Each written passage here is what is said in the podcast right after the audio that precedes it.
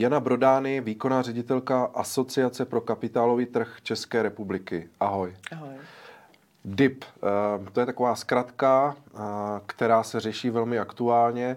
Eh, můžeme velmi jednoduše vysvětlit posluchačům, divákům, co ta zkratka znamená a čím se, čím se jich to bude dotýkat? Tak DIP je ve zkratce dlouhodobý investiční produkt, co znamená, že třetí pilíř dostane novou možnost, jak se zajistit na stáří.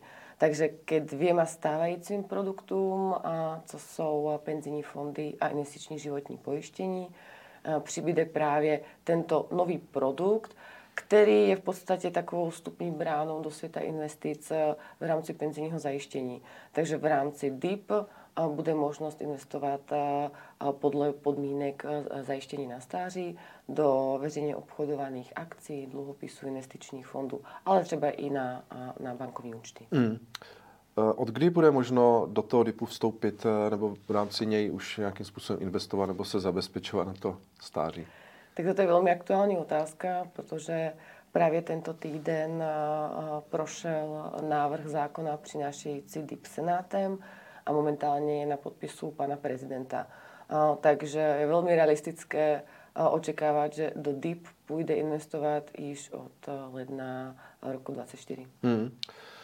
Pro koho ten DIP je vhodný produkt? Je to nějak rozsegmentováno nebo si myslí, že je to vhodné pro každého? Tak on je nastavený tak široce, že v podstatě je to něco, co může zaujat, zaujmout každého. A jak jsem říkala, a pro někoho, kdo už se delší dobu věnuje investování, tak si může vybírat konkrétní akcie. Pro někoho, kdo chce dynamičtěji investovat, a, ale třeba není si jistý ohledně toho, do jakých akcí nebo dluhopisů, tak a, jsou investiční fondy a určitě se najdou i konzervativní investoři, kteří si prostě řeknou, tak já začnu tím, že si ty peníze budu odkládat na bankovní účet a pak uvidím, do čeho z toho bankovního účtu budu investovat. Teď už eh, mnoho eh, Čechů, eh, možná to číslo znáš líp než já, má penzijní připojištění. Je i pro ně ten DIP vhodný, nebo to je nějaký jako další, další věc, kterou si můžou ještě víc podpořit ten svůj důchod? tak DIP je spíše takový další dílek do skládačky penzijního zajištění. Současná regulace je nastavená tak, že do penzijních fondů lze zainvestovat 24 tisíc ročně, do IŽP 24 tisíc ročně a ta situace se mění tak, že tyto dva limity se sloučí a v jejich rámci bude možné investovat do těch třech produktů. Takže je to něco jako nadstavba, doplnění, ale třeba i tahák pro nové investory. Aktuálně 4,3 milionů lidí má investice v penzijních fondech, a když se podívám z těch investic mimo třetí pilíř, tak je to třeba 1,2 eh, respektive 1,4 milionů investorů, eh, kteří investují pravidelně do investičních fondů. A já si myslím, že tady to jsou přesně eh, lidé, kteří budou příštími investory v rámci DIP. Možná s tím, že předpokládám, že velmi často to nastavení bude a že právě člověk si to své portfolio nějakým způsobem vyskládá z těch produktů.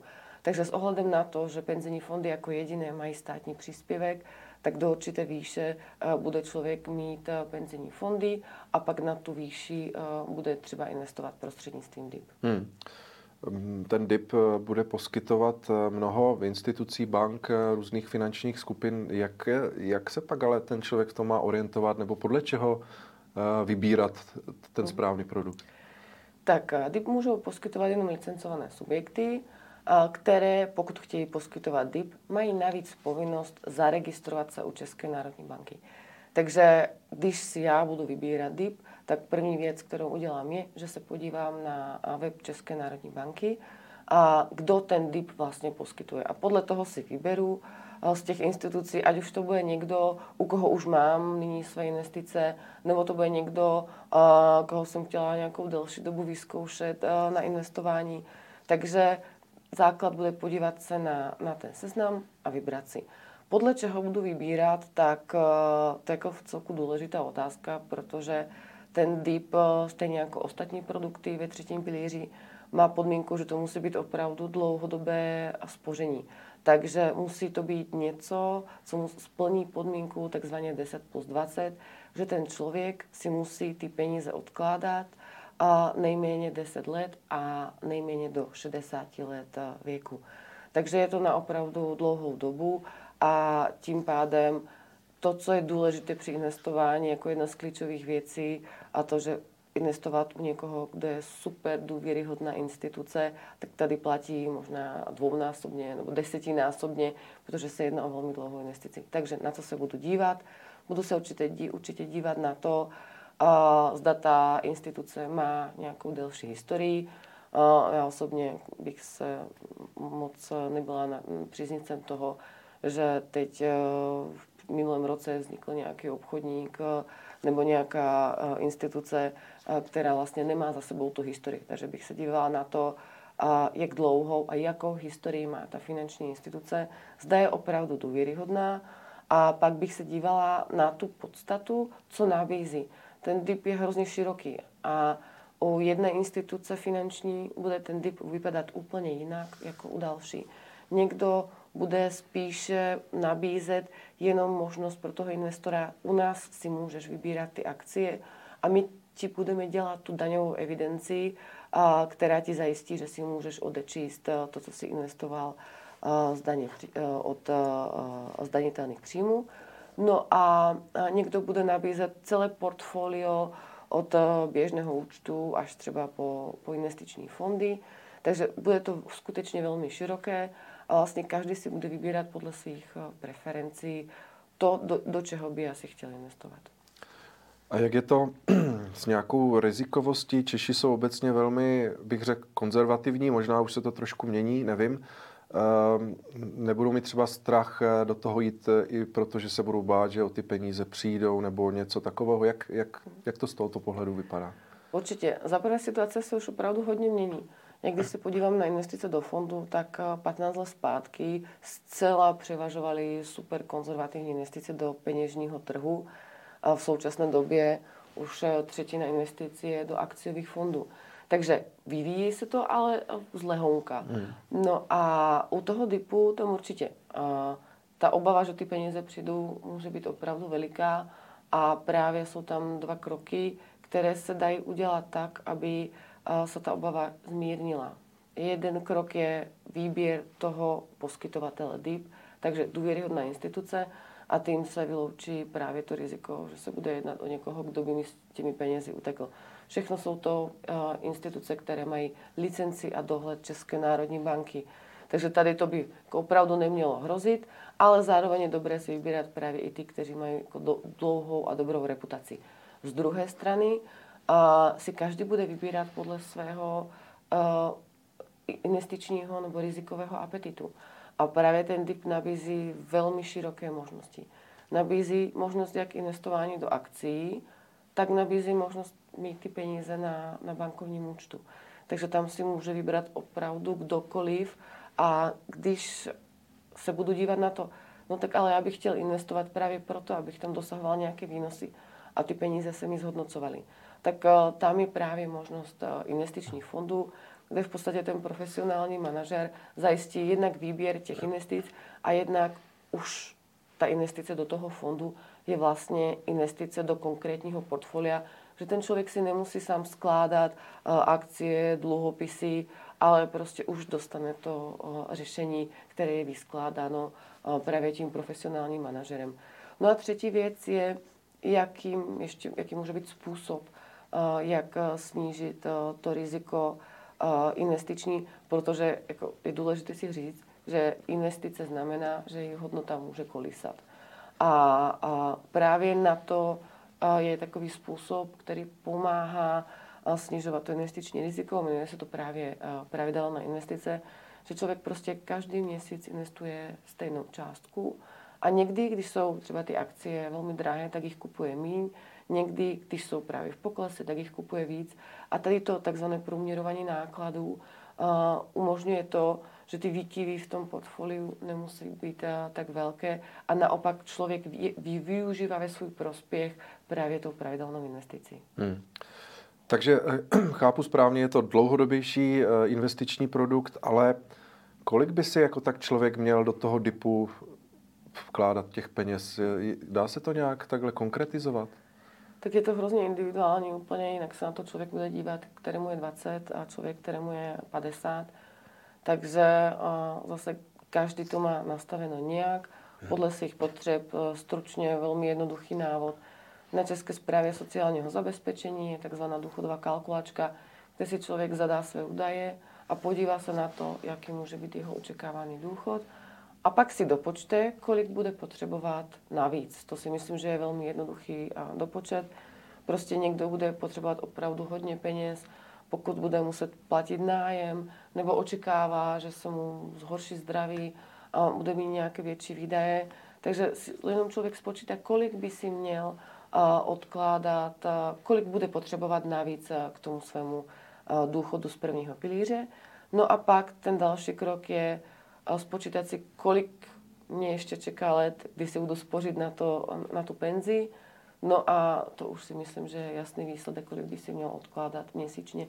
Nejjednodušší to mají asi čtyřicátníci, kteří uh, uh, mají zhruba 20 let do důchodu. Uh, očekávání, že budou v důchodu, je zhruba těch 20 let. Takže to hezky sedí i na ty měsíce že když úplně odhlednu od nějakého zhodnocení, které pak pokryje případnou inflaci, tak to přesně ta částka, kterou budu potřebovat eh, každý měsíc ke státnímu důchodu, je ta, kterou bych si měl odkládat eh, každý měsíc eh, ve 40 na penzi. Hmm. Takže ale bavíme se asi spíše o v řádu aspoň nějakých jednotek tisíc minimálně, ne? Mi přijde. Bavíme se řádově o jednotkách tisíc, ale zase opravdu záleží. Hmm. Někdo bude mít velkorysý státní důchod a, a někdo je bude mít opravdu minimální. A zároveň do toho vstupuje ta otázka, kolik reálně si můžu odkládat hmm. měsíčně. Vlastně DIP jenom je prostředkem toho, umožňuje nějakým způsobem ty peníze do něčeho zainvestovat, ale to, kolik si chci odkládat, tak to je na rozhodnutí každého, ale opravdu, když se podíváme na, na inflaci, tak za poslední dva roky, tak ta takzvaná legendární tisícovka na penzíko, tak ta už hodně dlouhou dobu hmm. jako zajištění na stáří nestačí. Já se právě na to ptám, protože třeba to penzijní připojištění má smysl v podstatě i od té pětistovky, nebo bude mít, kdy je ještě ta podpora od státu, ale tady, jako když bude asi někdo na pětistovku, to se asi moc nepomůže. No právě naopak. No protože tam už uh, bude mít smysl každá kor- ka- už mm. ta první koruna. Mm. Protože DIP je určený pro o, lidi, kteří jsou vlastně ekonomicky aktivní, protože to, co přináší, je uh, daňová odečitatelná položka. Takže on je úplně jedno, ta, to maximum je 48 tisíc, 48 tisíc, ale on to začíná už na nule. Takže když člověk si měsíčně odkladá tisícovku, tak si ke konci roku odečte 12 tisíc bez hmm. nějaké penalizace, že to je málo nebo hodně. Prostě právě DIP přináší to, že jakoby se vyplatí už od té, od té první stokorny.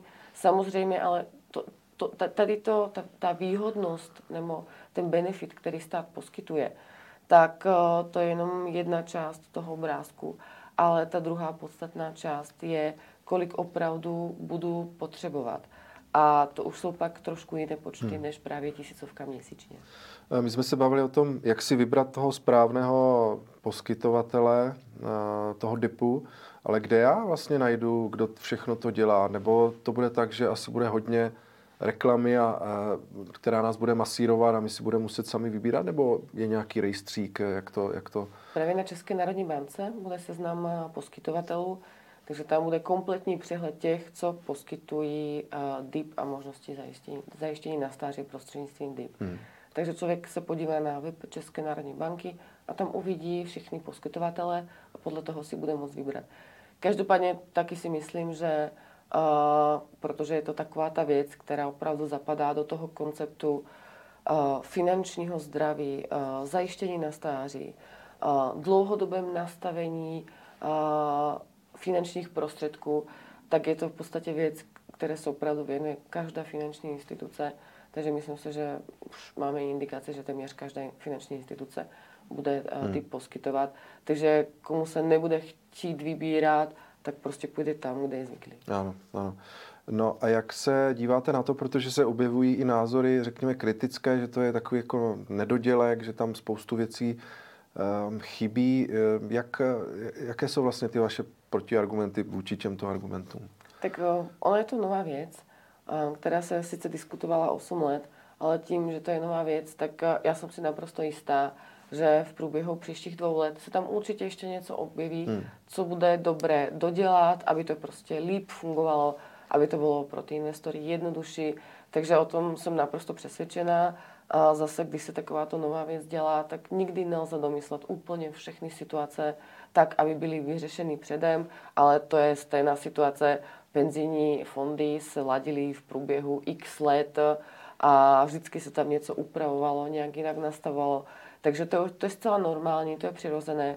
A na druhou stranu Deep má velkou výhodu v tom, že je velmi jednoduchý. Nejedná se o nějakou komplikovanou věc, kdyby ten člověk musel opravdu složitě přemýšlet nad tím, jak to tedy uchopit, ale je to v podstatě ta nejjednodušší varianta, která šla udělat do zákona. Takže nepřináší žádné nové v podstatě produkty investiční, je to jenom takový jako střešní produkt pro již existující produkty. Co způsobilo to, že vlastně kompletní regulace finančních produktů se vtáhla do toho DIP. Nebylo potřeba vymýšlet nic nového, protože jednak jedné na DIP platí regulace investičních a finančních produktů. Uh, takže když se podíváme, že právě je tam možnost mít eh, peněžní prostředky na, na účtu, tak zase to vtáhlo celou regulaci bankovních účtů do toho, kdy bez toho, aby se muselo něco vymýšlet. Takže ono je to velmi jednoduché z pohledu produktu a taky z pohledu zdanění. Ten DIP nepřináší nic nového. Využil se stávající způsob eh, podpory individuálního zajištění na stáří, kterým je třetí pilíř. A jediné, co se stalo, že ty dva limity, které tam byly dosud 24 a 24 tisíc pro dva produkty, se sloučily v jeden limit 48 tisíc, který můžou využít tři produkty. Takže vlastně ono je to ve své podstatě velmi jednoduché a ta jednoduchost přináší jako určité bezpečí v tom, že nevymýšlíme tady kolo, ale využíváme v plné míře to, co už existuje, na to, aby to mohlo zatraktivnit eh, třetí pilíř. Hmm. Eh, ještě mě napadla jedna věc. Česko dlouhodobě trápí eh, absence důchodové reformy. Je to hodně jako politická věc. Je tohle i nějaký krok té reformě, jako že by se to pak, ti politici by to ještě víc začali řešit a došlo by k nějakému konsenzu a něco by se udělalo tak, aby právě ti lidé co teprve jsou v produktivním věku, aby opravdu ten důchod měli nějaký slušný, aby neskončili někde na dlažbě? Tak, uh, ono se na to dva, dá dívat ze dvou pohledů. Za prvé, není žádná penzijní reforma. Penzijní reforma uh, v tom smyslu, v jakém se rozumí penzijní reforma, uh, ať už v zahraničí nebo u nás, tak penzijní reforma by přinesla něco typu druhý pilíř. A druhý pilíř stručně znamená, že já Jednak na jedné straně přispívám do prvního pilíře v rámci solidarity s těmi, kteří eh, do něj přispívali, eh, přispívali eh, přede mnou. Na druhou stranu část mých penzijních prostředků jde povinně na nějaké mé individuální penzijní zajištění, na nějaký můj individuální penzijní účet.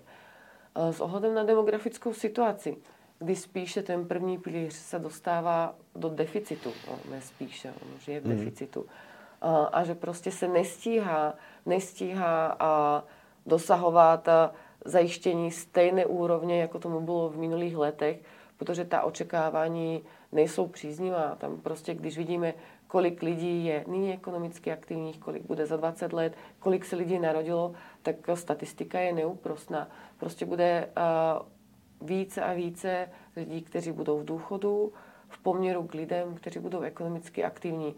A to znamená jenom to, že buď se budou muset dělat, budou se muset dělat jenom nepopulární kroky, ale právě ta doba, kdy ještě šlo dělat něco typu druhý pilíř a šlo nějakým způsobem z toho povinného penzijního připojištění vytvářet i rezervu individuální pro, pro ty lidi, že by nebyli jenom solidární, ale by i sebe zajišťovali tím způsobem, že by se jim právě vytvářel nějaký individuální penzijní účet, tak ta doba už pominula. Prostě s demografickým vývojem už nyní jsme v situaci, kdy takovýhle zásah by způsobil výrazný odliv prostředků z prvního pilíře a to se vždycky musí dotovat z nějakých jiných hmm. peněz.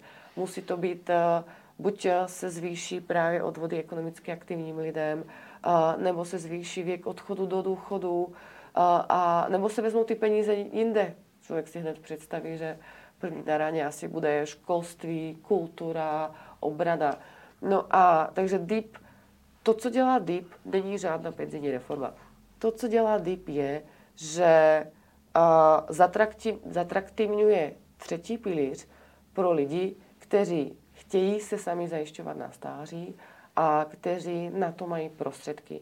Takže není to penzijní reforma, ale zároveň jakoby nabízí těm lidem více možností zajistit se na stáří a taky je trošku k tomu, k tomu pobízí, pokud máte tu možnost, zkuste to udělat. Ale reforma to není. To, jak se to vyvine dále, a to je právě ten druhý pohled, ke kterému se tak sáhodlouhe dostávám, je, že se může vytvořit opravdu velká masa lidí, kter, u kterých bude zjevné, že, a, že vlastně poptávají takovéto řešení. A třeba by šlo nějakým způsobem upravit třetí pilíř tak, že by částečně a, suploval ten druhý pilíř. Ku příkladu tak, že by se dalo něco typu, a, tak každý, kdo nastupuje do zaměstnání, tak si přispívá do toho třetího pilíře a z možností ale, a, aby e, z toho mohou vystoupit. Takže člověk si přispívá, automaticky se, se, tam, se tam zapíše, jakoby také to zjednodušení přihlášení se ke třetímu pilíři, ale nepovinné, protože ten člověk vždycky by měl možnost říct, ne, já si nechci přispívat eh, ve třetím pilíři, já nechci ani penzijní fondy, ani, ani, ani DIP, ani IŽP, já prostě chci si ty peníze odkladat nějakým jiným způsobem sám, tak tady to byla možnost. Vlastně, vlastně nepovinný třetí pilíř, ale možná se zjednodušením ohledně toho zápisu, že by zaměstnávatelé právě poskytovali tu možnost, tak my vás automaticky jako zapíšeme, pokud neřeknete, že nechcete. Hmm. Uh, tak uh, uvidíme, uh, co nám přinese ten další rok. To byla Jana Brodány, výkonná ředitelka Asociace pro kapitálový trh České republiky. Děkuji za rozhovor. Děkuji za pozvání.